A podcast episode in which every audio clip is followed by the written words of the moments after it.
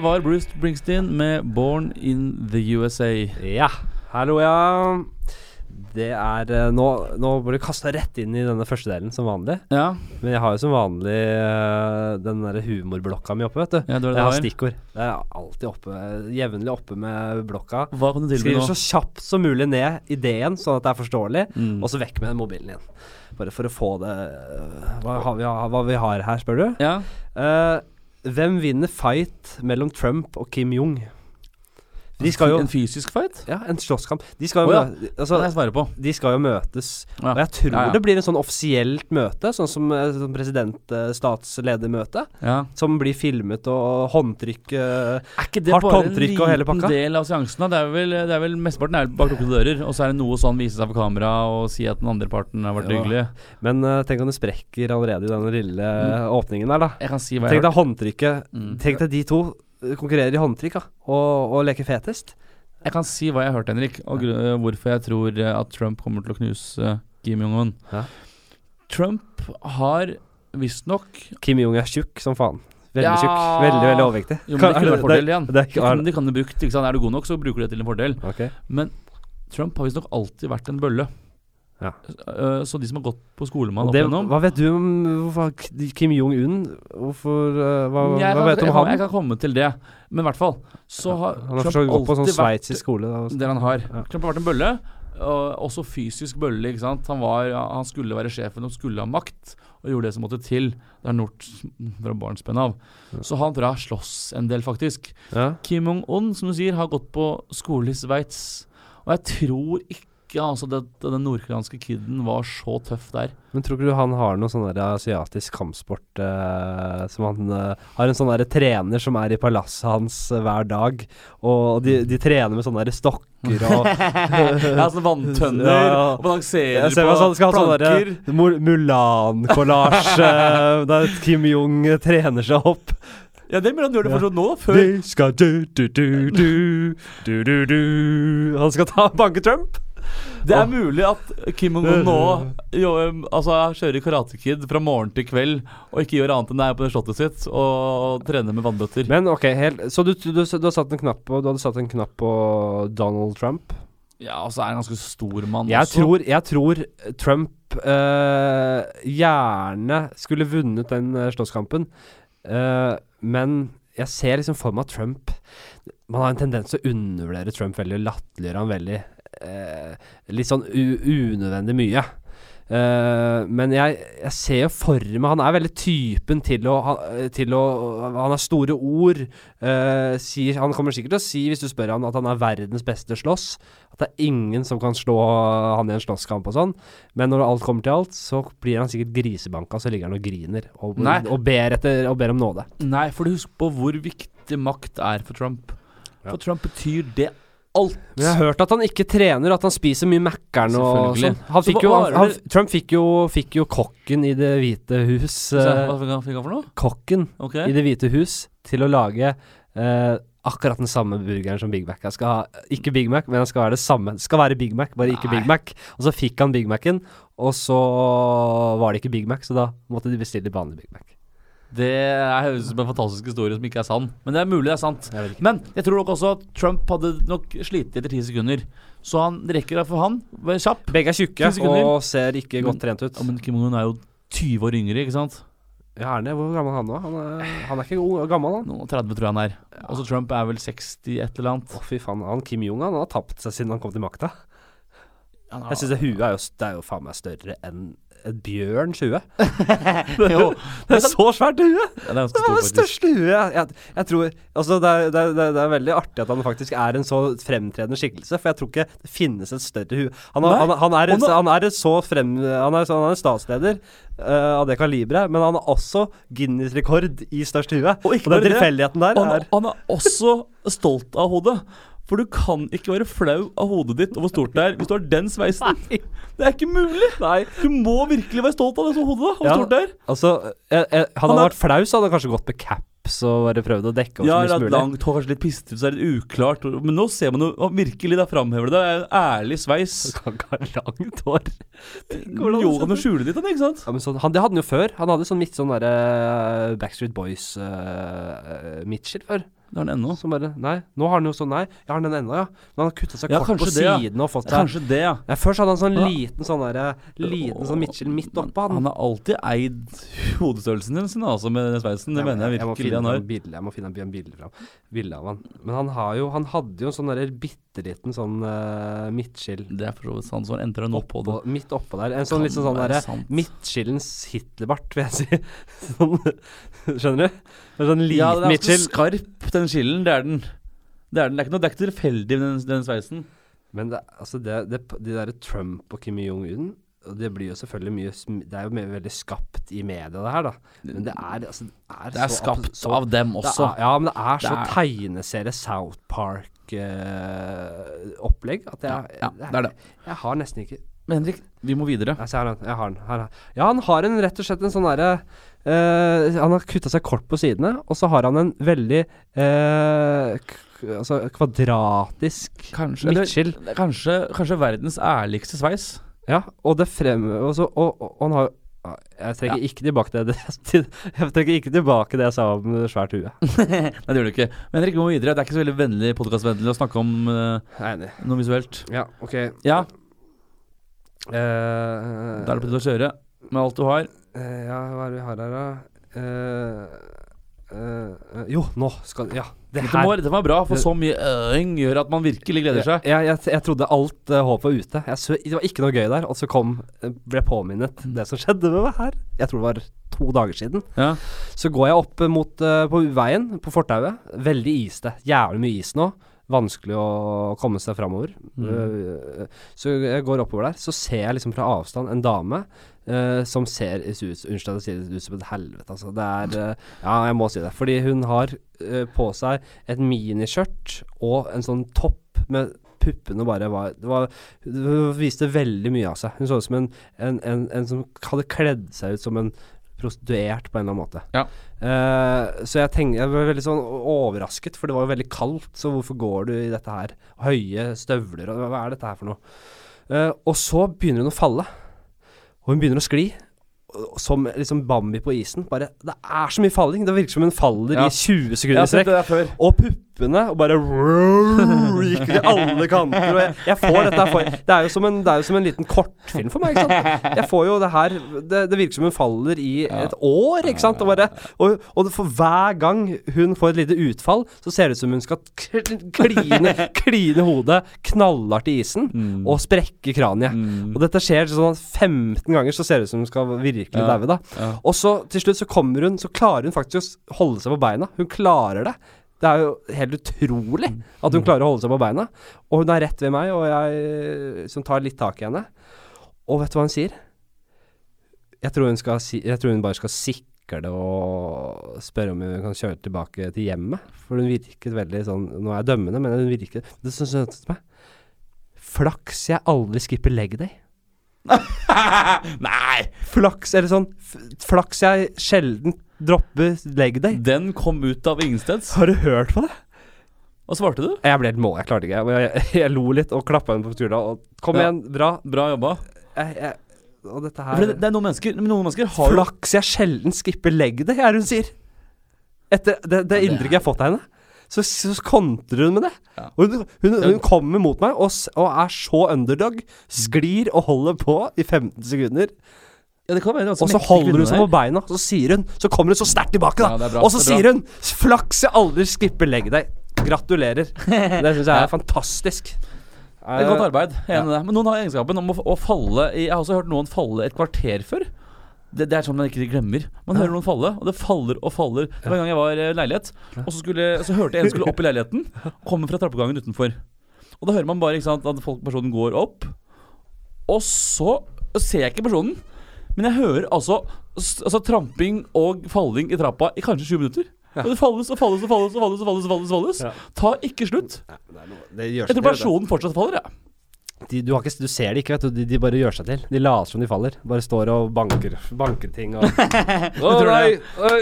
Bare for å få oppmerksomhet. Å nei! Det er kult, da. Det er kult å falle mye. Man er jo så sårbar når man faller. Altså det øyeblikket Når man ligger nede, så er bare ja. skaden gjort. Ja. Men idet du holder på å snuble rundt, og du har et håp om ikke å gå på snørra, da er man så sårbar. Det er, ja, men ja, jeg vet det. Desto bedre comeback av dama, det må jeg si.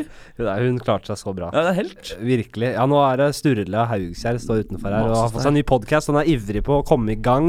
Jeg må bare si, fordi det tenker jeg på hver gang. Du vet når, når de pusser opp i en av leilighetene ved siden av deg eller noe sånt, eller du er et hus der de pusser opp, Ja. da tenker jeg alltid når jeg ligger og våkner av det, så tenker jeg det her er ikke oppussing. De bare later som. De bare driller masse, sager masse uten noen funksjon, fordi klart, de bare vil plage meg. De skal ha en timelønn, ikke sant? De må jo sannsynliggjøre at det jobbes. Det står bare Og banker i hvilken veggen min. bedre måte å gjøre det på enn å bare å lage mye lyd? Selvfølgelig. Det høres ikke ut som ekte snekring. Det er reklame, Henrik.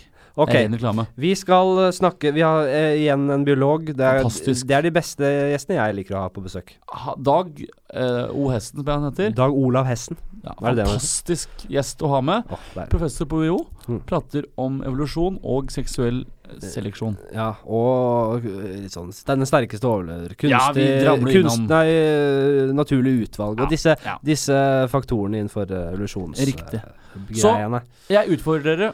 Prøv å ikke nyte episoden med Dag Hesten. Dette var cocky, men ja. Vi får se om dere på liker det. hans vegne, da, selvfølgelig. For ja. han er genial. Ja, jeg Vi er han- idioter som alltid, vi. Ja, vi er alltid idioter. Beklager bruk, dårlig bruk av begreper og alt. Vi prøver så godt vi kan her. Ja, vi er som dere. Husk å gi, øh, husk å gi oss øh, tilbakemeldinger og gjerne spørsmål, så vi kan ta opp i studio og alt mulig. De sendes Brev- til henrik.fladseth at hotmail.com.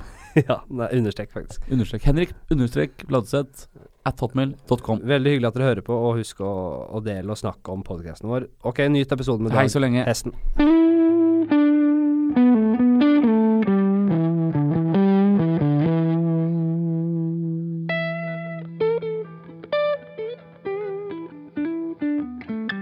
Herlig. Ja, Yes.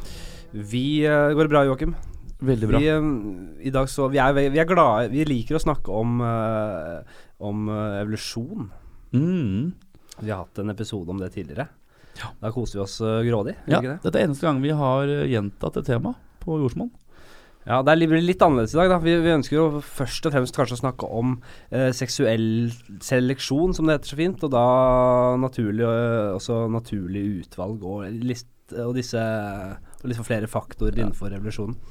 Eh, men Men eh, uh, nå er litt på tynn is akkurat med begrepene. jeg, jeg, jeg må bare på forhånd, og jeg pleier å gjøre det, jeg må beklage på forhånd, fordi når det kommer til teknologi terminologi og begrepsbruk her, så kan jeg, eh, Dag Da, må, da kan jeg være, være litt klumsete, altså. Jo, men du har ikke gjort noen bommerter foreløpig. Nei, jeg har ikke det. Det er veldig hyggelig at du kunne komme. Veldig Takk, takk. Ja, hyggelig å være her. Jeg tenkte, Er det greit å rydde å starte med en liten presentasjon av deg selv? Er det lov å spørre om? Ja, av, av meg selv. Ja, sånn enkel så folk uh... Ja, jeg er biolog, da, og navnet mitt er Dag, som du sa, og i tillegg Hessen. Ja. Og jeg jobber på Universitetet i Oslo med biologi, og er interessert i det aller meste, fra gener til eh, økosystemer, og selvfølgelig evolusjon som går som en rød tråd gjennom det hele. Ja, Det er så mye interessant å snakke om eh, når det kommer til evolusjon, men eh, du har uttalt at Hva var det det var? Jeg tror du fikk spørsmål om hva du syns var stiligst i naturen. Om det var kanskje eller, Jeg tror det var stiligst, det også. Stiligst var det kanskje Ja. det som, ordet som ble brukt. Og da svarte du um, seksuell seleksjon med en begrunnelse. Det var et eller annet intervju. Uh, ja, jeg må melde litt pass der, men det kan jo godt. Altså, jeg står gjerne for det.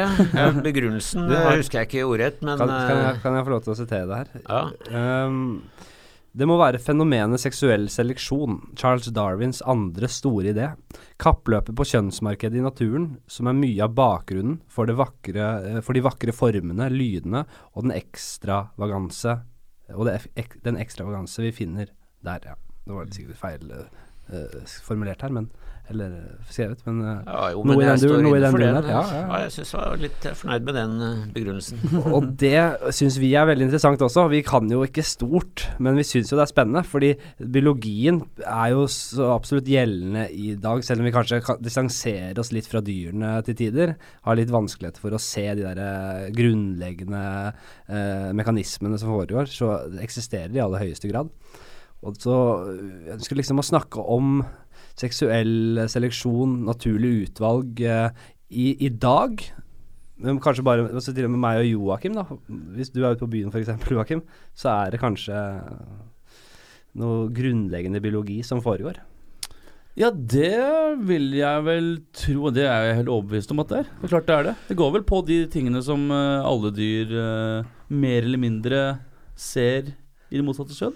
Ja, for ja, vi, biologisk sett er vi jo dyr. Det, det er ikke noe tvil om det, selv om vi er riktignok et litt spesielt dyr. Men at seksuell seleksjon er viktig eh, for oss også, er helt åpenbart. Det er jo egentlig, hvis du begynner å grave litt i det, så koker jo veldig mye av det vi gjør og tenker og sier på et eller annet vis ned til eh, reproduksjon. Ja. Og hvis du ser eh, i Altså blant aper, da, så er jo alfahannen på en måte det Konseptet alfahann står jo veldig sterkt, da. At det er den sterkeste, den, mest, den, som, den som vinner slåsskampene, som får reprodusert. Ja, ikke bare det. altså Det er den smarteste ofte. og Sånn er det hos oss også. Det har vist at det er ikke bare rå muskelkraft og pur egoisme som vinner fram, men det å være smart, kunne danne allianser, faktisk være litt hyggelig også. Ja, blant apene også? Blant aper òg, ja. Så, er, ja, For å gjøre et billig poeng, det er ikke så langt fra apepolitikk til Ap-politikk. altså det, er, det dreier seg om å danne allianser og få venner. Eh, og du får ikke venner hvis du bare er kjip, så du må være hyggelig og gi litt tilbake. og Ja, har du lest den boken Chimpanzee Politics? Ja, ja, Ja, sant, riktig. Den, er, eh, den eh, anbefaler jeg til alle. Ja, jeg skjønte Jeg, tror nå også, må, dette har jeg, ikke- har ikke lest den. Å ja, jeg har ikke lest den, jeg har bare hørt om Å den. ja, nå holder du på å, å slippe unna Ja, så neste med gang gidder ikke spørre meg noe mer og utdypende, så, så det kommer fram. Nei, det er det handler om. Det handler, om, det handler vel om hvordan nettopp apene Hvordan maktstrukturen er der, og hvordan den fungerer, og hvorfor den fungerer. Og det jeg har hørt om det, som er veldig spennende, er at dette her er en bok som veldig mange politikere og, eh, og businessmenn leser, fordi det fungerer og er såpass overførbart til mennesket. Men øh, ok, ta eksempel en gorillaflokk, da. Altså, da har du en alfa, en sjef, som jeg vil tro har blitt Jeg, Jeg tror, eller jeg mener å ha, ha fått med meg at den som er lederen, eller alfahannen, er det fordi den er sterkest. Altså, den kan, det er mange som kan yppe til bråk, men den som vinner disse kampene, står som leder.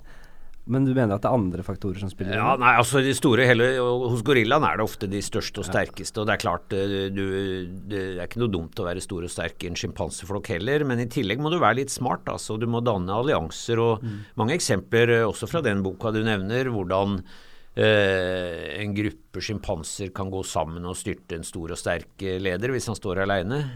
Så det er en, eh, et element av begge deler. Men det er klart, eh, siden vi snakka om seksuell seleksjon, så er jo der du finner seksuell seleksjon, er jo gjerne hvis det er stor forskjell på hannene og hundene. Um, og grunnen til at uh, apehannene er større enn apehundene, og også menneskehannene er større enn menneskehundene, er jo fordi det har vært lønnsomt å være litt stor og sterk og kraftig, men også smart hos oss. da. Det er noe særlig et menneskelig trekk. Men uh, så det har, det har to sider. Det ene er selvfølgelig at eh, de sterkeste og smarteste hannene kom på toppen av eh, rangstigen blant hannene, blir da alfahannen. Men det er også det at hundene foretrekker det. Men det er kanskje særlig når vi kommer til ja, hjortedyr med gevir, og enda større grad hos fugler. En del reptiler, altså krypdyr og sånt, hvor vi finner seksuell seleksjon. Og fisk, altså ikke minst, i, i helt ab absurd grad, nesten. Før, før vi går videre, bare eh, Tenker du det samme som meg nå? Men Nei, det er jeg ikke sikker på. Jeg, jeg er først på, tilbake på apene.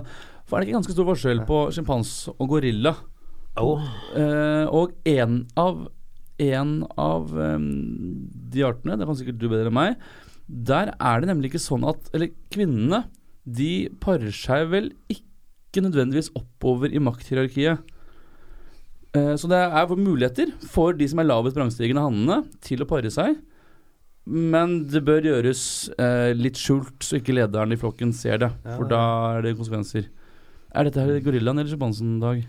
Ja, begge har elementer av det, men det er nok vanligst hos uh, sjimpansen. Men eh, ja, for det første er det alltid morsomt, syns jeg, å minne om at eh, for sjimpansen så er mennesket nærmere slektning enn gorillaen. Riktig. Det er mindre genetisk forskjell mellom uh, sjimpanse og menneske enn det er mellom sjimpanse og gorilla.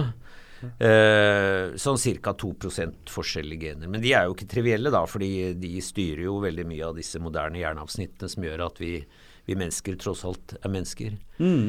Uh, men det er jo eh, to arter av sjimpanser, eh, og det er ganske stilig. fordi eh, og de er veldig forskjellig atferd. Eh, hos denne bonoboen, som eh, den kalles, eh, dvergsjimpansen, eh, som bare er ørlite grann mindre enn den vanlige sjimpansen, så har de et sånn peace and low, sånn hippiesamfunn. Ja. Eh, hvor alle har sex med alle. Og det er liten grad av aggresjon. De løser konflikter med sex på kryss og tvers av Det er sånn Sodoma og Gomorra-samfunnet sett med religiøse øyne. Mens den vanlige sjimpansen, den er mer sånn streng og hierarkisk og, og i større grad voldelig. I hvert fall mellom gruppene.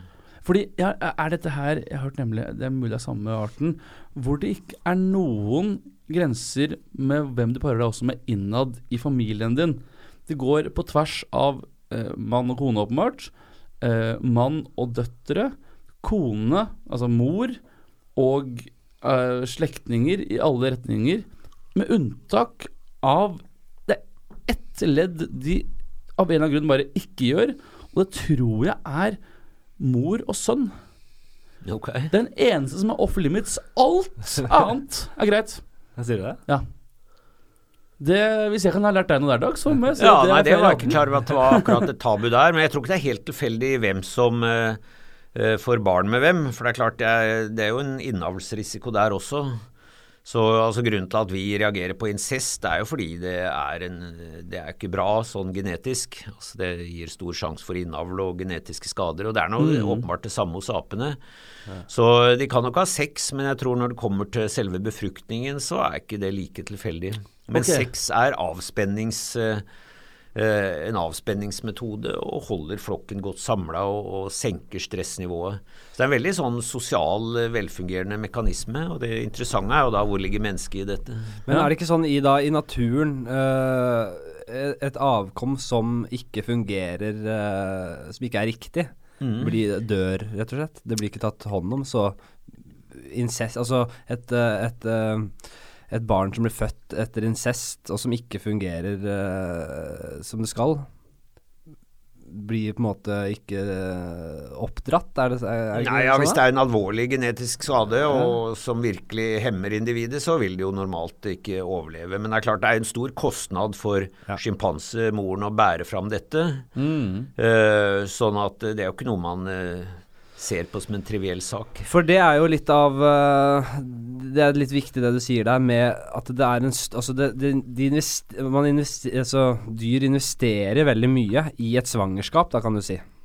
Så en, en, å, å velge make eh, er eh, Det er viktig, altså, viktig valg de tar. Ja, og det er noe av det som er essensen i dette, og som gjør også at vi har seksuell seleksjon, og at eh, kanskje særlig for hundene da er det viktig å velge en partner med, med omhu som både har de riktige genene, og som kan være en, en god far der hvor det forventes at fedrene stiller opp. Som det jo er hos eh, sjimpanser, og selvfølgelig i enda større grad hos oss.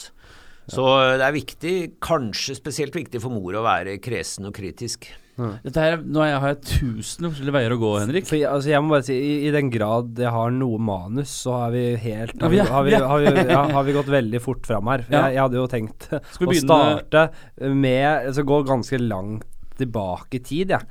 Um, de Henrik, var, det kalles for in medias res.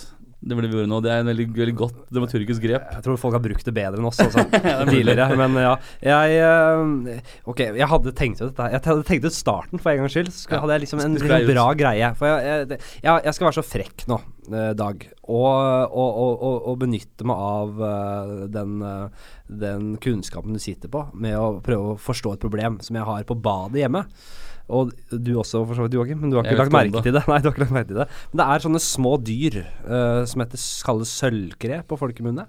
Det er sikkert et latinsk eh, navn på det også, som jeg ikke har fått med meg. Men eh, de herjer rundt på badet. Jeg vet de kommer, jeg aner ikke hvor de kommer fra engang. De bare dukker opp, og de, det blir flere og flere. Kjenner du til disse, dette kreket? Ja, det dukker opp på badet hos meg også, hvis jeg kommer uanmeldt og slår på lyset. Særlig det badet som ligger på kjellernivå. Jeg sjeneres ikke av de, altså. Det er jo ikke mange av de, og de, jeg er mest fascinert av de. Ja. Altså, de lever jo bare av noen små eh, Altså litt mugg, og de kan spise cellulose og Altså, de spiser rester, ikke sant. De, de gjør ikke noe galt. Nei. Eh, og eh, fordi jeg veit at dette er eldgamle insekter, altså de kalles urinsekter. Det er noen av de første primitive insektene som har eksistert i, uh, i millioner på millioner av år. Kan minne litt, om sånn trilobitt eh, Jeg, kaller Ja. jeg og dama kaller det for trilobitter. Det er jo, det er jo ikke det, men det ligner Nei, litt. men de er jo liksom- langt ute i slekt med de, og de er jo omtrent samme alder som, eh, som trilobittene.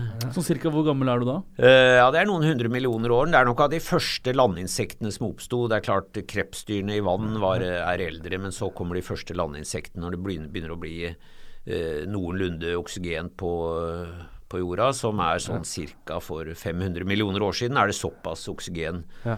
Eh, som jo plantene har gradvis utvikla, at, at høyere dyr, som f.eks. sølvkre eller forfedrene til sølvkre, kan komme. Men jeg syns det er fascinerende altså, at et insekt som har vært her, eller et urinsekt, eh, millioner av år før eh, mennesket eller våre slektninger kom på banen, fortsatt fins, og har tilpasset seg våre bad. Er ikke det ganske Jeg syns det Ja. kaller på en viss respekt, altså. Men nå er det kommet en ny type sånn sølvkre som er mer eh, invasiv og Som ikke er så gammel. Nei, ja, den er nok omtrent like gammel, men den gjør mer av seg, og den, den blir så mange av de at det er et problem. Men i utgangspunktet har jeg veldig sympati med sølvkre. Altså, jeg slår det ikke i hjel engang, jeg lar de bare leve der. Nei, jeg, jeg, jeg. du, ingen, du dreper ingen dyr? Jo, ja, det gjør jeg. Jeg jakter til og med, men, men sølvkre, altså, de gjør ikke meg noe fortred. Ja, okay. Da er, du, da er du et bedre menneske enn det jeg er. For sånn. jeg, jeg tar livet av de eh, sølvkreene. Jeg gjør det. Og nå har jeg til og med tatt et oppi et glass, um, bare for å utforske den litt. Ja, Jeg har ikke noe sånn religiøst forhold til eh, de, og jeg dreper jo insekter når det måtte bare- passe seg, men, men jeg syns de sølvkreene, det er bare av og til så dukker de opp, og de gjør ikke meg noe fortredende. Jeg syns det er litt eh, kule dyr. Når de har klart å overleve i så mange millioner år, og til og med tilpasse seg våre moderne bad, så, så fortjener de nesten å leve. Jeg, holdt jo, jeg skulle jo spørre deg om hvordan man tar livet av de, men eh, Ja. det er jo ikke du rette mannen å spørre, kanskje? da?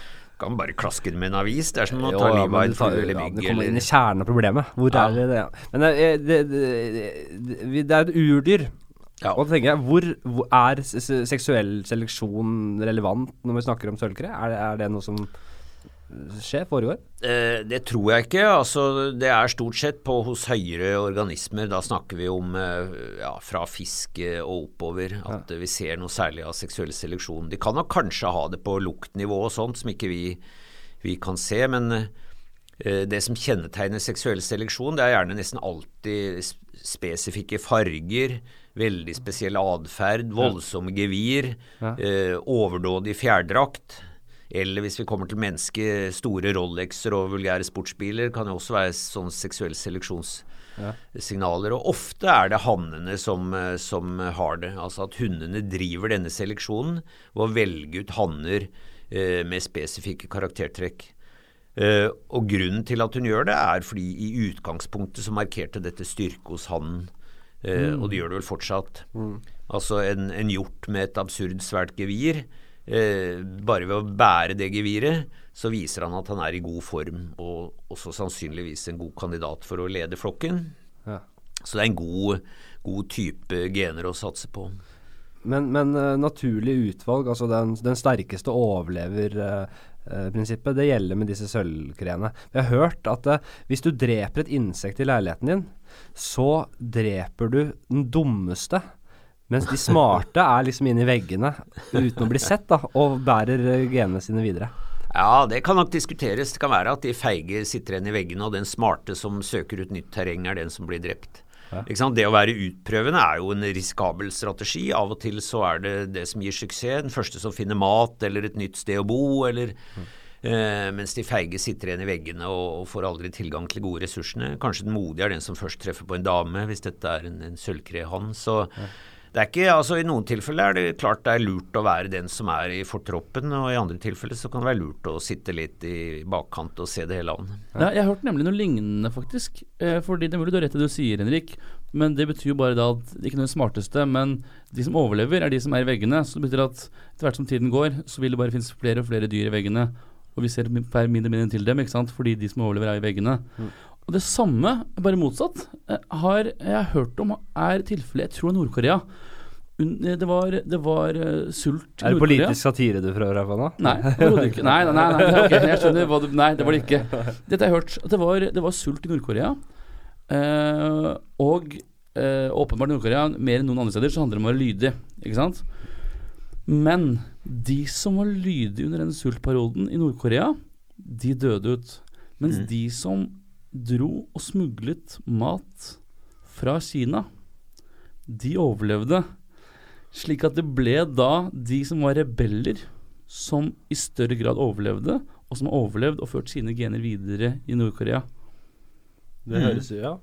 ja. Ja, jeg kan ikke verifisere historien, men den er jo, det er jo et godt eksempel på hvordan seleksjon kan fungere. Og det er klart at hvis ethvert sølvkre som våger seg fram eh, på badegulvet har en eh, overhengende sjanse for å bli slått i hjel, så vil jo den, eh, den genvarianten eh, som da er mer forsiktig, vinne fram.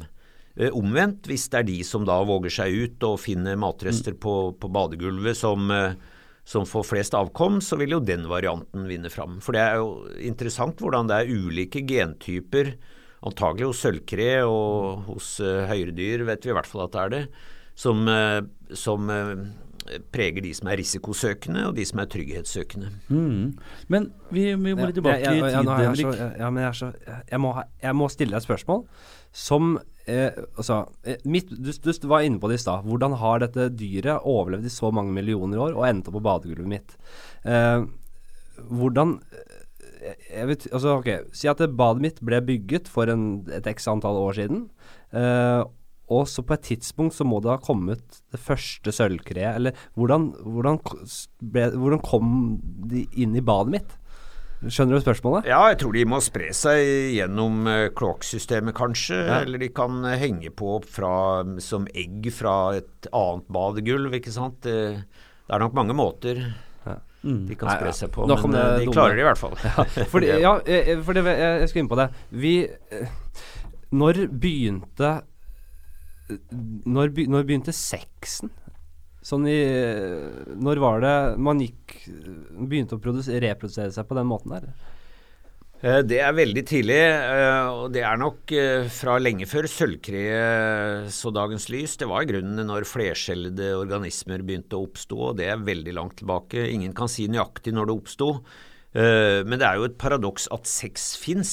For det er klart, den arten som bare satser på hunder, kan jo øke bestanden sin dobbelt så fort som en bestand som også satser på hanner. Hanner er jo ikke der for noe annet enn befruktningen.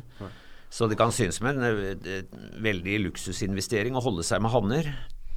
Men grunnen til at de aller fleste organismer har sex, både planter og dyr, eh, det er jo ikke for fornøyelsens skyld. Fornøyelsen er mer et, et instrument for å få folk til å ha sex, eller dyr til å ha sex, eller tror ikke planter har noen fornøyelse med det, men mm. og Grunnen til det er at eh, sex skaper genetisk variasjon. Da får du altså stadig nye genkombinasjoner fra mor og far. Og da blir det vanskeligere for sykdomsorganismer, parasitter, virus og sånt å, å infisere. Så det man ser er at organismer som kloner seg selv, de, det er sjelden noe holdbar strategi på lang sikt. For du, du har ingen genetisk variasjon, og det gjør deg veldig sårbar for sykdom og parasitter. Mm. Jeg, jeg, jeg regner med at det er litt vanskelig å, å sette fingeren på akkurat hvordan eh, reproduksjon ble, ble en greie, da. Fordi det skjedde jo over så mange millioner år. Eh, men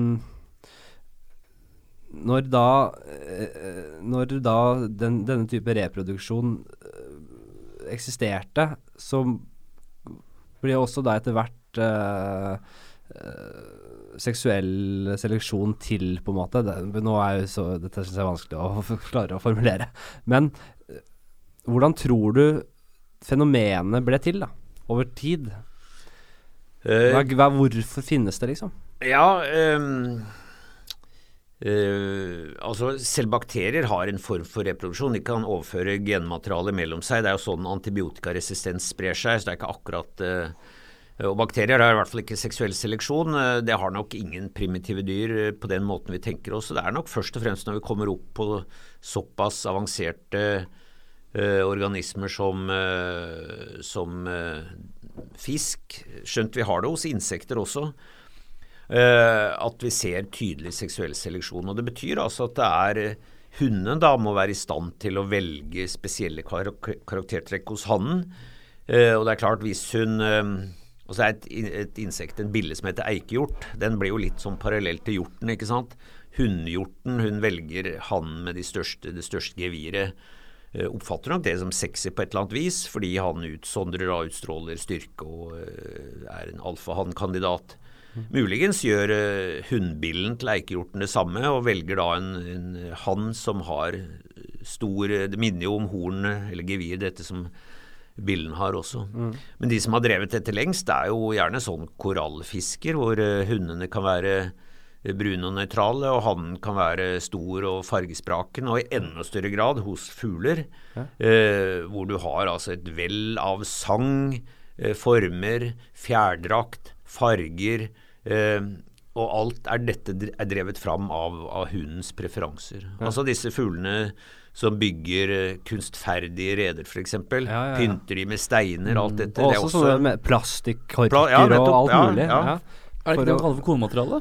Ja, det men, jeg, eh, så, Men kan det starte Altså, én ting er jo å være sterkest og raskest og disse tingene, men så har du de derre eh, flashy måtene å, vise seg fram på, som fargerike fjær eller eh, hva det skal være. Kan det, kan det ha startet med eh, Det er mulig jeg er helt på jordet, men kan det ha startet med en mutasjon De sier skjellet på en, eh, en reptil eller noe sånt? Så, Ja, jo, det er helt klart. Det er sånn det starter. Ja. Uh, og akkurat hva som fikk da hunden til å foretrekke det reptilet, den øgla med litt mer flashy farger, Mm. det er ikke godt å si, altså. Men eh, det er ofte at sterke farger symboliserer god helse. Altså dyr som er ved god helse, har gjerne skarpere farger. Eh, sånn at det er jo ikke fargene nødvendigvis i seg selv, men det de symboliserer, eller det de visualiserer. Så det er en slags sånn eh, reklameplakat for at eh, jeg er sterk, jeg er sunn, jeg har gode gener, sats på meg, og det funker. Og da blir dette en sånn selvforsterkende effekt, så etter hvert så blir det trenger du stadig sterre, sterkere farger og mer flashy fjær og mer eh, bisarre danseritualer eh, for å tiltrekke deg hundens gunst da, i konkurranse med andre hanner. Så dette er en sånn evig kappløp hannene imellom om å være, bli de som, eh, som foretrekkes av hundene. Og til slutt så kan det jo få helt sånne absurde proporsjoner, sånn som påfuglens hale f.eks.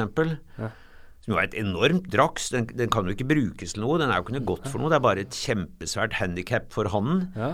Men nettopp det at han kan holde seg med et sånt digert handikap, viser at han er sterk. Ja. Eh, og særlig hvis den da har friske farger og Dette kalles jo Hva er det handikap uh, Ja, riktig. Det er et, fordi han, han kan tillate seg å ha den type handikap. En sånn hale er jo egentlig det. Det er et stort draks. Likevel så foretrekker hunden det. Og da er det det som er altså Det ville vært mye mer lønnsomt å satse på en mye mindre hale.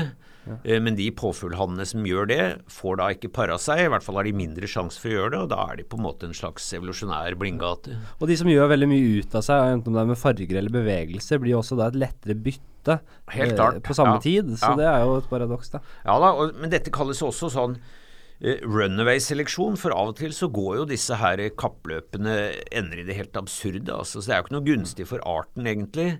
Eh, Men både hunder og hanner er fastlåst i et sånt kappløp mot stadig mer spektakulære farger og fjær og danseritualer. For du har jo en sånn en, ja, Om det er en uh, hypotese eller mer en myte med denne irske Hva er det dette irske hjortedyret? Kjempehjorten. Kjempehjorten er en Ja, favoritt, ja. Definitivt. Fortell om den, Dag. Ja, og det var en, en hjort som eksisterte, som nå er utdødd, som eksisterte for noen eh, ja, titalls tusen år siden, og som nå bare er kjent gjennom skjeletter, eh, som hadde en absurd svær, eh, svært gevir. Um, og tanken var jo at dette var et eksempel på en sånn runaway-seleksjon, en, en, på en måte en sånn gjensidig seksuell seleksjon som løper helt løpsk. For den driver hjorten inn i utryddelse ved at den får så svært gevir eh, at den bukker under enten for vekta av geviret, eller eh, at det er vanskelig å altså, De må jo ha stadig nye mineraler for å etterfylle dette geviret, det skiftes jo hvert år. Ja. Eller at klimaet endra seg litt grann og på en måte ble, ble det som vippa den over i utryddelsen. Eh, la meg nå si da at det er en omstridt teori om det faktisk var det som skjedde med hjorten, Ja. eh, men som metafor eller historie er den ganske god, altså. Ja. For jeg, jeg, eh, for både likhet med den påfuglen og det med den kjempehjorten, eh, så er jo det to svakheter ikke sant, ved seksuell seleksjon. Mm. Eh, seksuell seleksjon skal jo egentlig sørge for at arten overlever. Også som et eksempel av med kjempehjorten, at den har dødd ut kanskje pga. det. Mm. Og at påfuglen er jo i dårligere stand til å overleve, overleve pga. den uh, fjærdrakten. Er det noen eh, Er det noen svakheter du ser på mennesket i dag som kan sammenlignes med fjærdrakten til påfuglen og reviret til, eh, til hjorten, som kan gjøre at den faktisk at arten dør ut pga. det? Mm, Ja, det er ikke vanskelig å finne dystre paralleller der, men bare for å si det først. Altså, eh, eh, arter velger jo partnere ikke ut til eh, Eller individer da velger partnere ikke ut, til, ut fra det som er artens beste, men det som er deres beste. Ja. Så hvis man bare gjorde det som var til artens beste, så ville man ofte unngå den type kappløp. Men fordi det alltid er individene som velger da de mest flashy eller de mest ekstreme, så kan man komme inn i sånne kappløp. Du har liksom ikke noe valg, du må være med på leken hvis du skal ha en sjanse til å bringe genene videre. Dette er jo ikke bevisst, da, men det er jo sånn seleksjonen fungerer. Og hos mennesket, det er jo ikke noe vanskelig å se at veldig mye av det vi omgir oss med av statussymboler, har et element av det samme. Og her går jo seksuell seleksjon begge veier. Eh, Kvinner stæsjer seg opp, dels for å konkurrere med andre kvinner eh, om å være den, den mest eh, attraktive i venninneflokken, og få status blant andre kvinner. Ofte tenker jeg at det er den sterkeste drivkraften, men selvfølgelig også for å framstå som attraktive for menn. Eh, og vi har jo da i tillegg et helt batteri med kulturelle hjelpemidler, eh, eh, sminke, klær, eh, statussymboler, for å forsterke da denne seksuelle seleksjonen. Eh, og det tenker jeg kanskje er en av svakhetene ved, ved den menneskelige sivilisasjon sånn som vi kjenner den. at Nettopp fordi at status, ting, forbruk eh, er med på å fremme attraktivitet, i hvert fall i mange kulturer og hos mange individer, eh, så er det en, muligens en sånn undergangsparallell. Altså, for i dag vet vi at dette er ikke så smart. Nei, og besettelsen av, av penger, den, eh, det kan jo være en Det er jo på en måte noe man Det er jo penger og makt, da. Altså, Det går, kan jo gå for langt. Altså, det, det kan jo gjøre deg syk. Ja, minste felles multiplum er vel makt, er det ikke det? Ja, makt og skjønnhet, selvfølgelig. Attraktivitet. Altså Makt er jo ofte skjult attraktivitet, eh, og gjerne sånn at eh, mektige menn tiltrekker seg kvinner. Der er det en liten forskjell mellom kjønnene. Men eh, altså en direkte dødelig variant av dette er jo hos kvinner hvor, eh, som har fått det for seg at jo slankere de er, mm. jo bedre er de. Eh, og jo mer attraktive er de, og jo større status har de i forhold til venninner. Som er jo et, et selvbedrag, men likevel drevet fram av en sånn eh, antagelse om at eh, jo slankere, jo bedre. Og det kan jo bokstavelig talt altså føre føre til i døden. Ikke for arten som sådan, da, men for, for individene. Men er Det det gjelder jo både rart? kvinner og menn, det vel? Ja da, altså, vi, altså, vi, vi tenker på at alt vi gjør er rasjonelt på mange måter, men, men det er jo ikke det. Men, men det er jo eh, Er ikke det litt kontraintuitivt når eh, det handler om å overleve og ha god helse? Ja. Så er det vel Altså, det, det har endret seg. For før var det jo attraktivt med kvinner med former. Mm. Pæreformen var jo det man, som man så etter i kvinnen. Ikke helt pæreformen. da. Det, altså det som stort sett eh, går igjen på, på kryss og tvers av kulturer, det er et visst forhold mellom midje og hofte som symboliserer fruktbarhet. Men det er klart, hvis du er litt fyldigere rundt midjen, så kan det også være fyldigere rundt hofte, og, og likevel beholde uh, proporsjonene. Men, uh, men det er jo helt klart, kvinneidealet har jo vekslet mellom å være relativt uh, frodig eh, og være relativt skinnmagert. Men det skinnmagre kvinneidealet har jo egentlig aldri vært drevet fram av menn. Det er få menn som liker virkelig sånn skinny oh, ja. eh, kvinner. Hvem kommer det av da? jeg. Nei, jeg tror det er en konkurranse kvinnene imellom. Eh, Dels fordi de gir prestisje og kanskje signaliserer at du har kroppskontroll osv. Uh, og dels kan det være sånn underlige kulturelle utslag som, eh, som vi ofte ser. Mm. Så det er jo ikke alt vi gjør som er rasjonelt. I dag kan du si at det er mye status knyttet til å, å gå på treningsstudio og være sunn og sterk. Det er jo i og for seg en, en, en Selv om det også kan bikke over, så er det jo en gunstigere trend da enn å være sykelig mager eller eh, ja, full av piercing eller gud vet hva som kan, man kan velge som sin personlige attraktivitetseffekt. Men eh, ok, ja, det er veldig Skal vi kanskje gå litt tilbake? Fordi disse, disse tingene stikker veldig dypt. Da. Det, det, det, hvis vi skal ta mm, Altså, som man har lært gjennom uh, Sapiens og, og, og, sånn, så er det jo Som fikk jo på en måte Homo sapiens et overtak uh, uh, ved å klare å operere i store grupper. Kommunisere i store grupper og, og skape samfunn da, mm. i, store, i stor skala. og allerede Og her, og garantert før det også, så startet jo disse denne kampen da, som, som, som, sitter i oss den dag i dag. Hva var det som Hvordan uh, Hva er det som sitter igjen, liksom? Er vi, er vi, er, hvor, I hvor stor grad er vi bare dyr? Vi har jo omtrent de samme genene som vi hadde når vi var steinaldermennesker, og vi har omtrent de samme genene som eh, når vi ble Homo sapiens. Og som sagt, vi deler jo 98 av uh, arvestoffet vårt med, med sjimpansen, så vi er jo i betydelig grad dyr. Men vi, vi har da en del spesielle trekk også som gjør oss uh, selvfølgelig i stand til å tenke abstrakt og til å ha moralske følelser og alt dette. Men jeg tror ofte mer enn det vi tenker over, er trekk i oss som er uh, for så vidt dyrisk. Og veldig mye av det dreier seg om det som er egentlig biologiens fremste imperativ, som vi gjerne sier. Altså det er å bringe genene videre. Ja. Det høres litt trist ut, og jeg mener jo at menneskelivet både er og skal være mer enn det. Men det som ligger under veldig mye av det som skjer i naturen, dreier seg om dette. Det har veldig mye med sex å gjøre, rett og slett. Ja, men, men sånn, kan like sånn, det eller ikke, men uh, det har det. Og ikke minst da kjemi. Hva som foregår oppi hodet ditt da når du ser en uh, som du liker. Om, er, om, om, jeg ser en kvinne jeg liker, så, så skjer det de samme kjemiske prosessene oppi hjernen som det gjorde for mange mange år siden? Ja, altså Det er veldig mye av de samme hormonsystemene som flusher i hjernen vår, og som styrer både opphisselse, for så vidt også følelse av vel. ikke sant? Du får flushes av dopamin, du har belønningshormoner av ymse slag, du har parbindingshormoner. Og disse hormonene er ganske uforandra ned gjennom i hvert fall pattedyrriket. Så dette har fulgt oss lenge, og gjør også at dyr har nok eh, i mye større grad eh, de samme følelsene som vi har, bare at vi hos oss er det jo forsterka, da, for vi setter det mer i en personlig sammenheng. Uh, men det som, uh, siden du nevnte Harari, altså det som kanskje er det fremste kjennetegnet ved mennesket, er jo vår enorme evne til å samarbeide og til å sameksistere i store grupper. Uh, og at vi sameksisterer nå i, i svære samfunn, i megabyer, mm. uh, og at dette likevel fungerer på et eller annet vis, er jo imponerende. Og det sier jo noe om omstillingsevnen vår. Men, eh, men, et sentralt trekk ved mennesket er jo ikke bare at vi konkurrerer, men at vi samarbeider.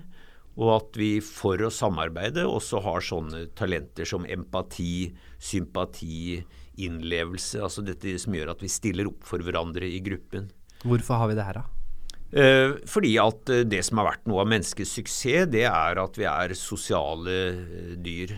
Ja. Eller sosiale mennesker, da. Så det står veldig sterkt for, veldig for, for, for, å lykkes, rett og slett? Ja, altså kan tenke deg selv. altså En gruppe med mennesker som samarbeider om å løse et problem, eh, eller for den saks skyld eh, gå i krig, vil ha mye større sjanse for å lykkes enn en gruppe med egoister som først og fremst tenker på seg selv. Så det er veldig mange rasjonelle begrunnelser for at, eh, at mennesket eh, er gode til å samarbeide, og at vi har empati, og at vi stiller opp for hverandre. Ja, og det er vel også det til viss grad moral og etikk er ofte bygget på nettopp det. At man skal sette gruppen ikke sant, framfor sitt eget, eller sitt ego. Ja. Og det er grunnen til at man har moral og etikk. Ja, eller sånne enkle moralregler som du skal gjøre mot andre, som du vil at andre skal gjøre mot deg. En veldig sånn banal regel, men, men genial altså på mange ja, måter. Men så, sånn, sånn, helt tilbake til uh, flere hundre tusen år tilbake, da. Menn, menn som ville ha seg en dame hvilke kvaliteter kunne, uh, kunne, kvinnen se i mannen på den tiden der? Da? Var annet enn fysisk uh, kraft uh, og, og, suksess, da? Jo lenger du går tilbake, jo viktigere har nok det fysiske vært. Fordi vi levde jo en veldig fysisk tilværelse, og du måtte være sterk og, og i god form for å skaffe mat til familien og holde villdyra unna og jakte og alt dette. Så så jo lenger du går tilbake, jo viktigere er nok det fysiske. Men så etter hvert, da som vi ble, levde i sosiale grupper og det, vi ble en, i utpreget grad en sånn problemløsende art, så var smarthet eh, viktig. Ja. Uh, og det er mange studier som viser at eh, kvinner eh, ser i stor grad etter en smart mann, en mann med humor, en mann med sosiale talenter, også en mann som er snill, som kan forventes å stille opp for, for barna. Eh, og vi ser jo også i tilsvarende grad etter andre kvaliteter hos, hos damene enn at de bare er veldreide. Ja, ja. Førsteinteressen vekkes jo gjerne av det fysiske ytre, åpenbart. Eh, men så kommer alle disse andre trekkene inn. Absolutt. Det er, det er bare spennende å tenke seg når kommer dette skillet. For det, det kom, Eller det var Ja, alt i evolusjonen er år, gradvis. det. Ja, det kommer ikke på et sånn år, at eh, det er ikke noe sånn markant skille i det vi ble Homo sapiens, så begynte vi å se etter andre ting. Men jeg har alltid vært veldig, alltid vært veldig fascinert av dette med humor. Uh, når var det det uh, kom på banen? Den første vitsen eller humoren som oppsto? Ja, den tror jeg er ganske gammel. altså. Ja. Den må vel sannsynligvis ha sammenheng med språket, men jeg tror ikke vi hadde veldig avansert språk før, før humor var viktig. For det er klart, humor er både en hersketeknikk, altså de som er kvikke i replikken, blir ofte litt sånn sjefer i, gjengen. Eh, men humor eh, henger jo sammen med at du eh, i viss grad intelligens også. Eh, så humor er, eh, tror jeg har vært både et herske, en hersketeknikk, eh, internt kanskje blant menn eh, og blant kvinner, men også eh, noe som eh, har vært attraktivt. Mm. Ja, fordi man ser altså Jeg er litt usikker, men det virker som man kan se det i aperiket. da eh, At, at de syns ting er eh, festlig. Eh, med sånn derre Jeg vet ikke eh, Hvis vi holder oss til Homo sapiens, da. eh, kan det ha startet med en fjert, liksom? Fjert, promping? Ja, altså Sk- Situasjonskomikk tror jeg har vært eh, Det har vært morsomt lenge, og det kan du se også at eh, aper synes å ha Ja. en viss sånn eh, Det er en veldig interessant diskusjon om dyr faktisk ler. Det var en som beskrev at sjimpanser ler, og det høres omtrent ut som lyden av en sag på en hard tømmerstokk. eh, Altså de har latter enn oss, men, men de har nok eh, åpenbart en, eh, en enkel form for humor. Noen mener også at rotter kan le, og det er mange dyr som pattedyr som kan frembringe noe som minner om latter når de blir kilt, f.eks. Ja. Mm. Eh, man, ja. Men det er litt annen type humor, da. Det er mer en sånn mekanisk respons. Og den der eh, litt elegante humoren og selvfølgelig understatement og ironi og alt sånt, det, det krever jo såpass eh, hjerne som antagelig bare mennesket har. Men for det er forskjell der. Må bare, vi må inn på det også vi snakket om før, eh, før sending i dag, Henrik. Og det er dette med, som du sier, mennesket har jo noen egenskaper som gjør at vi er den, eh, den mennesketypen, eller Homo sapiens er den mennesketypen som har overlevd fordi vi er overlevende, overlegne på et par områder. Men eh, det europeiske eh, Homo sapiens har jo 4% neandertaler i Mm. sitt genmateriale. Og, og det er åpenbart da fordi da har jo da en Homo sapiens eh, paret seg med en neandertaler. Men vet vi noe om, eh, om kjønnene på de forskjellige, og fordelingen? Var det slik at, at det, var, det var kvinner Det var Homo sapiens-kvinnene som likte neandertalermennene? At det var en fast greie? Og grunnen til at jeg spør bare, er jo fordi jeg kan jo se veldig godt at, at neandertaler Eller at Homo sapiens-kvinnen liker det barske Mm. i neandertalermannen. Mm. Men er- det vært noe forskning på det? Eh, jeg tror de genene Altså det, det, det er såpass lite genmateriale vi har fra øh, fra neandertaleren at det er vanskelig å si om det, Du kan ikke skille på om de kommer fra kvinnesiden eller mannssiden. Men det er, altså i utgangspunktet så kunne man kanskje tenke seg at det var øh, menn som var mindre kritiske, og at det var da øh, Homo sapiens menn som ikke øh, søkte neandertalerkvinner. Men Høres riktig Ok. ut, det, fortsatt. men det kan godt være. altså Det er en veldig interessant teori. For det er klart, de litt barske, tøffe, brutale de var jo mye sterkere enn oss. Eh, og de hadde relativt store hjerner også. At det kan ha vært et eller annet sånt urmaskulint attraktivt med en neandertalermann for en homo sapiens-kvinne. Det vet man ikke, altså. Men i hvert fall har vi vært nære nok til å få, få levedyktig avkom. Mm. Det er spennende. Um, skal vi nå gå litt mer inn på nåtiden, Henrik? Ja, vi, det går vi blander veldig. Det vi går med andre. Jeg, jeg, jeg, jeg, jeg var det jeg skulle fortsette litt på. Bare dette med humor. Fordi hvis du spør eh, enten om det er både menn og kvinner i dag, så, så vil de si at det er en av de viktigste egenskapene hos en partner er humor. Ja.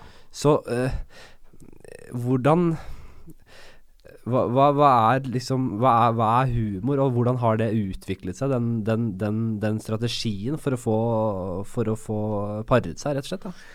Ja, Først og fremst tror jeg humor er et uh, sosialt lim. altså Når man kunne sitte rundt leirbålet og le sammen, så skaper det en sånn fellesskapsfølelse at vi er en gruppe og vi er sammen om noe. og Det, det gir også en sånn felles forståelse at man ler av de samme tingene. Ja. Og det kan være gode historier og etter hvert som vi fikk eh, avansert språk. Og så tror jeg nok humor ofte har vært da sånn ikke sant, sånn som det er på militærbrakka. altså Hvis du er litt kjapp i replikken, så får du en, det er en hersketeknikk også. Men fremfor alt så tror jeg det har vært et sosialt lim, rett og slett. Altså. Og det er veldig avspennende. Det ser vi jo, det gjør jo sjimpanser og for så vidt mange andre dyr også. De bruker grimaser som antagelig er en forløper for smil, til avspenning. De signaliserer at uh, hør her, jeg er ute i vennlig ærend, jeg er i godt humør, det er ikke noe å frykte her. Eh, og Det har nok vært begynnelsen på smil, og etter hvert også så har humor tatt av, særlig hos mennesket, da, for å understreke. ikke sant? Hvis, hvis, du ler sammen, så går du ikke og slår hverandre i hjel etterpå.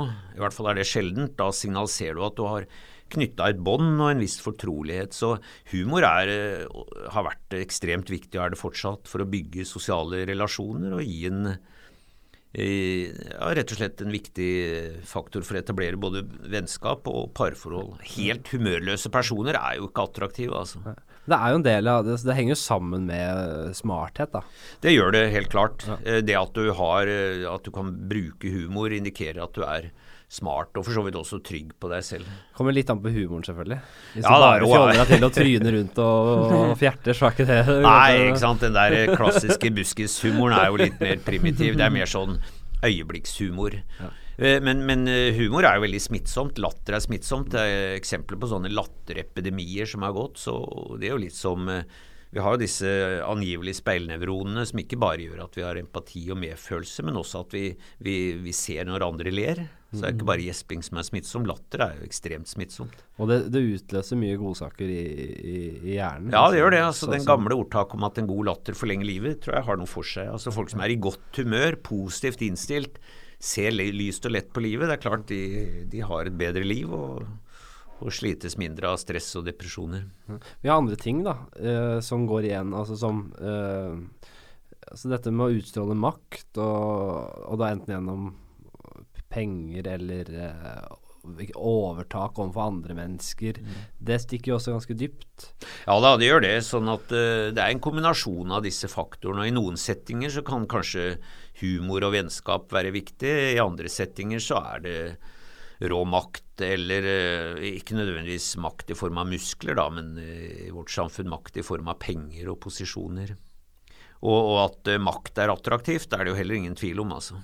Det er, det, ikke, og det er vel en av de svakhetene. fordi før så På konsekvenser, da. Fordi før så var det jo hva, er, det, ikke, det er ikke Dunbars number, er ikke det 150 personer? Jo, jo. Hvor mange vi kan ha i vår krets mm. før den gruppen blir for mange for å kunne holde styr på hverandre. Ja. Og sånn det var da før, var at man, man da Oversteger man det nummeret, eller det tallet, så ville man ha utbyttergruppe som ville da gå ut av flokken og startet en ny, en ny stamme. Ja.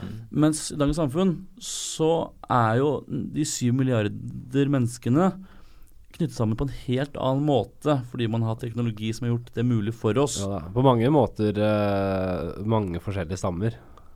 Med, med veldig Riktig. ulike Riktig, men det er noen menn sant, i verden som Trump. Det Trump sier og gjør, det påvirker jo alle sammen. ikke sant? Og når man da er innstilt på at makt er bra, og jo mer makt, jo bedre, så er, sjansen, så er, så er toppnivået da, for hva du kan få makt i dagens samfunn, mye høyere ikke sant, enn det var for ja, noen tusen år siden. Mm, ja. Fordi alt henger sammen.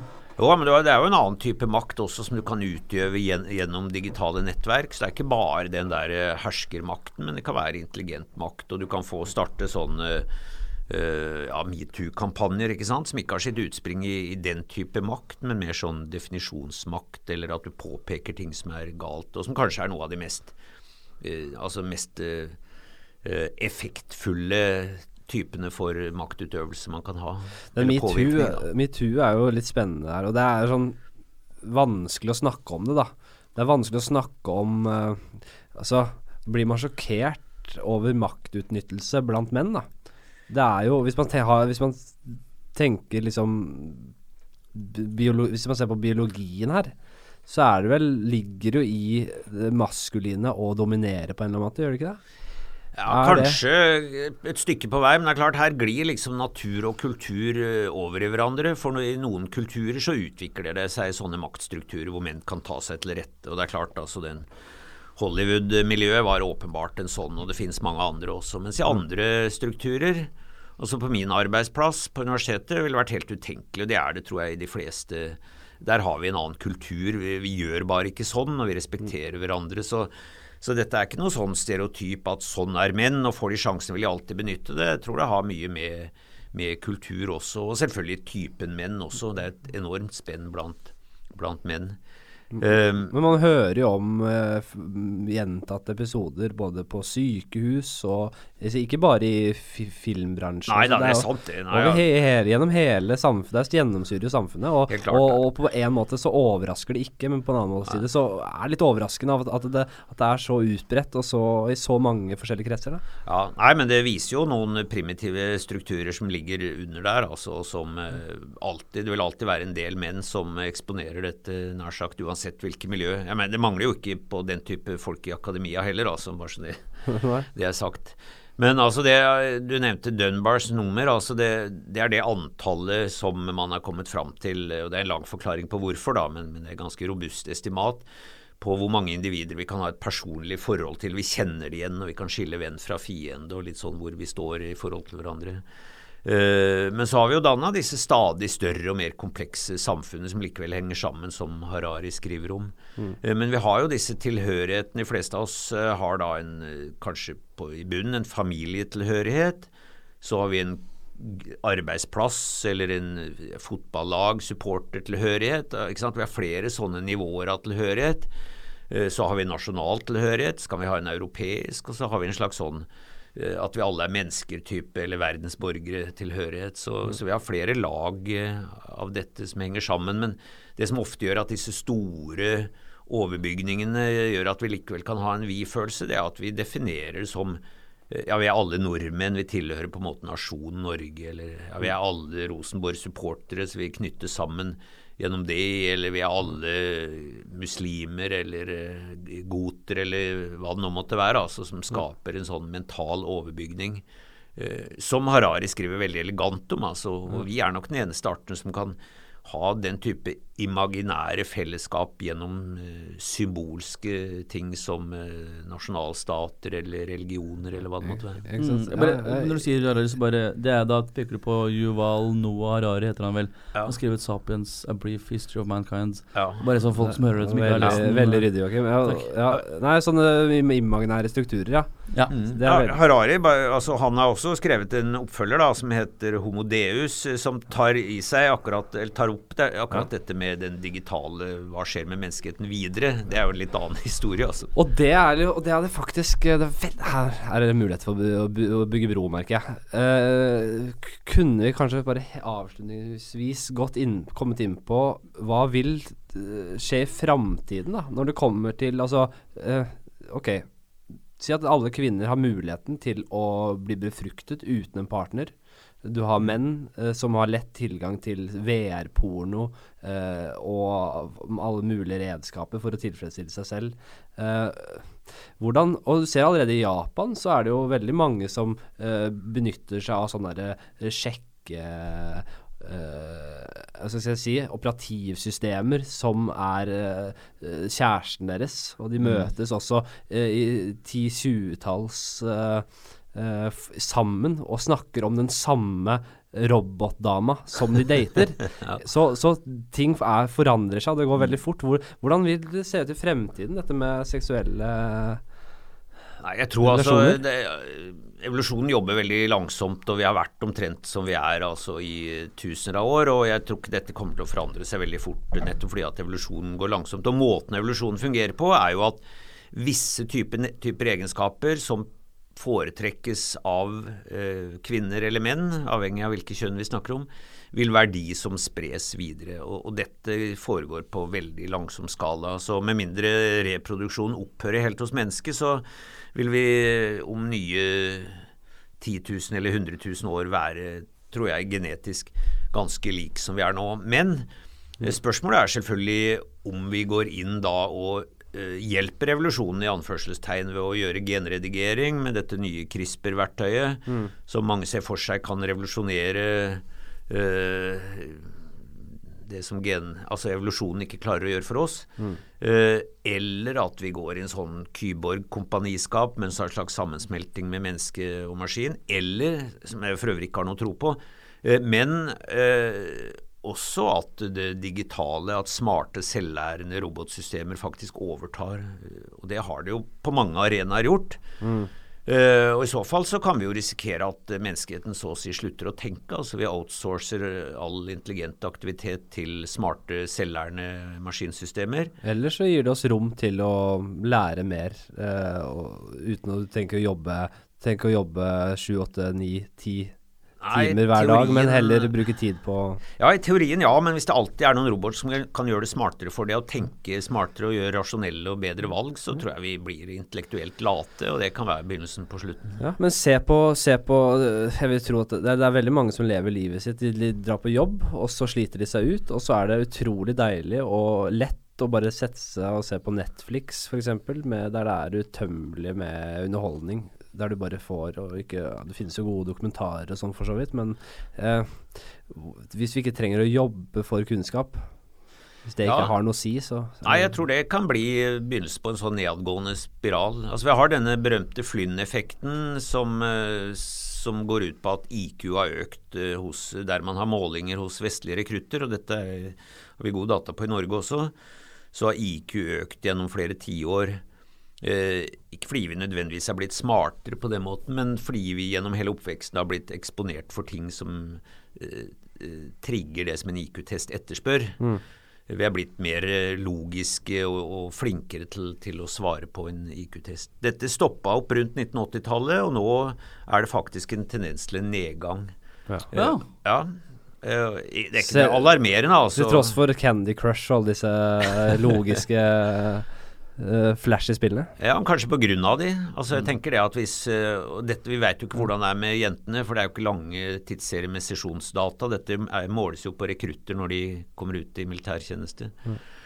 Men gutter har slutta å lese bøker, ikke sant? Veldig mange i hvert fall. De bruker mye tid på spill. eh, De er skoletapere. Jeg tror det er litt den tendensen jeg ser. Så jeg tror kanskje at den den begynnelsen på den digitale tidsalderen stimulerte IQ hos oss. Så nådde vi kanskje toppunkt rundt 1980, tidlig 1990, og de som vokste opp etter det Det er i hvert fall én hypotese. Slutta å lese bøker og, og underholdes passivt, og da stimulerer du ikke hjernen på samme måte. I tillegg ikke sant, så er det jo Det blir et moralsk spørsmål, fordi mennesket lærer ved å gjøre feil. Og mennesket gjør mye feil. Men hvis man som samfunn kan la en robot gjøre jobben for en, og det blir ikke gjort feil ikke sant? Mm. På sykehus Mm. så, så, så dør færre pasienter fordi legen som er en robot, gjør færre feil. Mm. Så blir det et moralsk spørsmål ikke sant? om du skal la da menneskelige leger gjøre jobben, men risikere flere menneskeliv, eller om du skal ha 100 rate på Mm. suksess. Spennende. Samme også med Mm. bil. ikke sant? ja. Men Mennesker gjør feil i trafikken. Mm. Det gjør ikke roboter. Nei, så derfor, så, er derfor, så, derfor så er jeg litt enig i det Dag sier der på den der, at det blir et, i hvert fall Noen må ta en avgjørelse da på at noen menneskeliv må gå tapt. Vi må gjøre en del feil eh, for, for at samfunnet, eller for at vi som art skal overleve, så må noen individer dessverre gå med. Jeg vet ikke om det nødvendigvis er konklusjonen, men i hvert fall må vi ikke eh, avgi all kreativ og intelligent tankevirksomhet til roboter fordi de er smartere, raskere, flinkere, tar raskere, raskere avgjørelser. eh, Kanskje etter hvert kan de til og med utvikle en form for følelser, eller i hvert fall følelsesmessig respons og empati. Så det tenker jeg er en, en utvikling vi reelt skal være oppmerksom på, så vi ikke gjør oss selv overflødige på et eller annet vis. Mm. Et spørsmål vi har stilt oss tidligere, Henrik, som vi snakket om, Ja. eh, som jeg hadde med til podkasten med Erik Tunstad, men du kom, eh, kom ikke med da. Det gjelder eh, hvordan vi som samfunn har, har eh, utviklet oss. Og på et tidspunkt så ble det sånn at mennesket fant maker og beholdt maken sin. Og i samfunnet i dag så står det ganske sterkt, i hvert fall offisielt, det at man har eh, én make svake. Ja, det står, ja, det står ikke like Det står svakere. Altså. Ja, det gjør det, altså. Men blant kristendommen, i hvert fall når det var på ja. storhetstid, så var det å gifte seg Det, var, det skulle man gjøre. Mm. Skulle være tro mot, uh, mot maken. Og skulle da holde livet ut. Det er det man sier ekteskapspakten man Så- ja, inngår. det står veldig sterkt i store deler av verden. Det gjør det definitivt. Men det jeg Og en en av grunnene til også var at man døde mye yngre før. Jeg har hørt det er en teori. Man Mm. døde yngre før i tiden, som gjorde at eh, man som da holdt ut lenger Man holdt ut til man døde fordi man var 30 år man døde, eller 40 år man døde. Mens Ekteskapet har så vidt begynt, ja. Ja. det Riktig. Men, Mens, det det? mens Ja, han gifta deg når han var 15, da. Så det, Ja, da, Riktig, sant. ikke sant?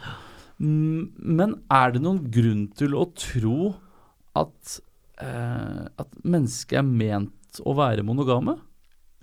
Ja, faktisk, fordi vi har jo dette vasopressin-hormonet som vi uttrykker i ganske stor grad. Altså Vasopressin er parbindingshormonet. Vi har mye av det, så mennesket er nok fra naturens side. Det er mange ting som tyder på det. Relativt monogamt. Selvfølgelig ikke sånn absolutt monogamt, men relativt monogamt. Og grunnen til det er logisk igjen, altså at vi har eh, barn som er avhengig av mor og far veldig lenge. Og jo i større grad begge foreldrene stiller opp, også far, jo større overlevelse har barna historisk hatt. da. Sånn at uh, det at mor og far holder sammen, uh, og har gjort det historisk, har vært uh, rasjonelt. Så kan du si at den samme mekanismen er ikke like logisk når barna har fløyet ut av redet og flytta hjemmefra. Men eh, det som du sier, altså før så levde du jo ikke så veldig mye lenger enn det. Når barna hadde, var voksne, og det var de kanskje når de var 15, så var stort sett uh, livet over for foreldrene også. Er, ja, det, det Men, men vi bærer jo i oss denne hangen til å være uh, ganske, ganske monogame og holde sammen med partneren fordi vi har blitt utstyrt med hormoner som, som forsterker det. Og så kommer jo da ikke sant, religiøse forbud og påbud og normer og, og straffe, straff i helvete og hva man nå fant på for å sikre den type atferd som var gunstig. Ja. Jeg har jo Kilden min her er en vits av eh, Dag Sørås. Så, men han jeg, jeg har i hvert fall ikke glemt det, for han, han sa i en annen vits at det, øhm, penisen er jo formet øh, som den er, øh, med det formålet å kunne da sprute inn din sæd og skyve ut, skrape ut gammel sæd fra en annen, øh, fra en annen mann. da. Det, har du hørt om dette? Eh, ja, hos noen dyrearter er det jo sånn. Noen dyrearter er jo ekstremt uh, promiskuøse, altså hvor en hund kan pare seg med masse hanner i strekk. Uh, og hanner selvfølgelig med, med mange hunder. Og det er klart at da kan konkurransen forflyttes ned på spermienivå. Og vi ser også at de artene ofte har veldig store testikler, for de produserer mengder med spermier. Eh, nettopp med det formålet, og selvfølgelig av og til også utformingen på, på penis. Så du kan faktisk si ganske mye ut fra å se på testikkelstørrelse og, og kjønnsorganer eh, om det er trofaste arter eller, Mm, riktig, ja. eh, eller ikke. Og for å slutte sirkelen, så er vel de sjimpansene har vel relativt store testikler, har de ikke det? Jo, sjimpansene har ganske store testikler, større enn oss, så de er nok mer eh, utro, eh, mens, eh, mens gorillaen har veldig små Gorillaen, der er det én hann ikke sant, som har hatt kontroll på damene. Silverbacken han behøvde ikke å konkurrere med andre, så han behøver ikke å bruke energi på å produsere masse spermer. En stor pung og sånn derre dregg-penis eh, høres ikke veldig monogamt ut. Nei, det gjør ikke det. Ok, nå har vi det Vi skulle jo selvfølgelig sitte der mye lenger som vanlig, men uh, vi, vi nærmer oss Vi nærmer slutten. Joakim, har du noe genialt å si nå? Før vi Ikke for å legge press, selvfølgelig, men er det noe genialt å si? Er det det prøver å Ja, det er akkurat det. Jeg, jeg, har, jeg har faktisk eh, en sånn tre, tre tips, ja, Henrik. Ja, ja, kjør på. Og som jeg hører, Vi pleier å stille, stille gjesten vår et spørsmål om å komme med tre tips innen det temaet som personen er, er dyktig på. Og siden temaet i dag er seksuell seleksjon, så er mitt spørsmål til deg Hvis du kunne gitt tre tips til en singel 20-åring for å finne en jente han kan bli lykkelig med, hva ville det vært? Altså. ja, det var en uh, seriøs utfordring. På, ja, på ja, jeg har jo vært 20 år selv og tenkt gjennom det. Mm. Uh, Jeg tror altså det å være avslappa er det beste. Uh, Det er, kanskje, høres, det er kanskje lettere å si enn å være. Men hvis du kan være avslappa, ærlig og bruke humor ikke krampaktig, men, men vise Ha dette glimt i øyet, ikke sant. Ja. Så tror jeg faktisk det er det beste. Altså utrolig mange jenter faller for eh, ikke sånn slapt snille menn, men altså må gjerne være litt eh, må gjerne være litt skikkelig mann, men at du eh, framstår også som eh, snill med humor. Det tror jeg er liksom Altså glimt i øyet, da. Det er Mm. nesten selve essensen. Er det ikke litt sånn Er det ikke litt naivt å tro at man ikke trenger litt råskap og kraft? Utstråler litt av det òg? Jo da, du må jo selvfølgelig framstå som en mann, altså som en, eh, et minimum av eh, virilitet. Det er helt åpenbart. Men det er ofte der eh, det trengs for liksom å, å fange oppmerksomheten. Eh, Men når liksom den er fanga, så er det det å, å kunne kommunisere, ikke sant. Det å kunne ha lest altså Jeg vil jo si at unge menn bør lese bøker også, for oppegående jenter vil jo gjerne ha menn som har et minimum av kulturell ballast og interesse utover akkurat treningsstudio eller hva det måtte være. Kanskje disse podkastene her er den nye boka? Ja, det, er, det er bra for oss i så fall. Lyttere, er litt mer på, god på jordsmonn. Bør bli dame på dere. Det var vel det rådet du fiska etter, men det kan jeg godt være med på. Altså. Ja. Ja. Um, Dag, kjempespennende. Tusen hjertelig takk. Tusen Ja, hjertelig takk selv du for at dere tar opp et uh, viktig og spennende tema. Og eh, vi har gode spørsmål og, og en god samtale, syns jeg. Takk for at. Takk for det. Hei. Show.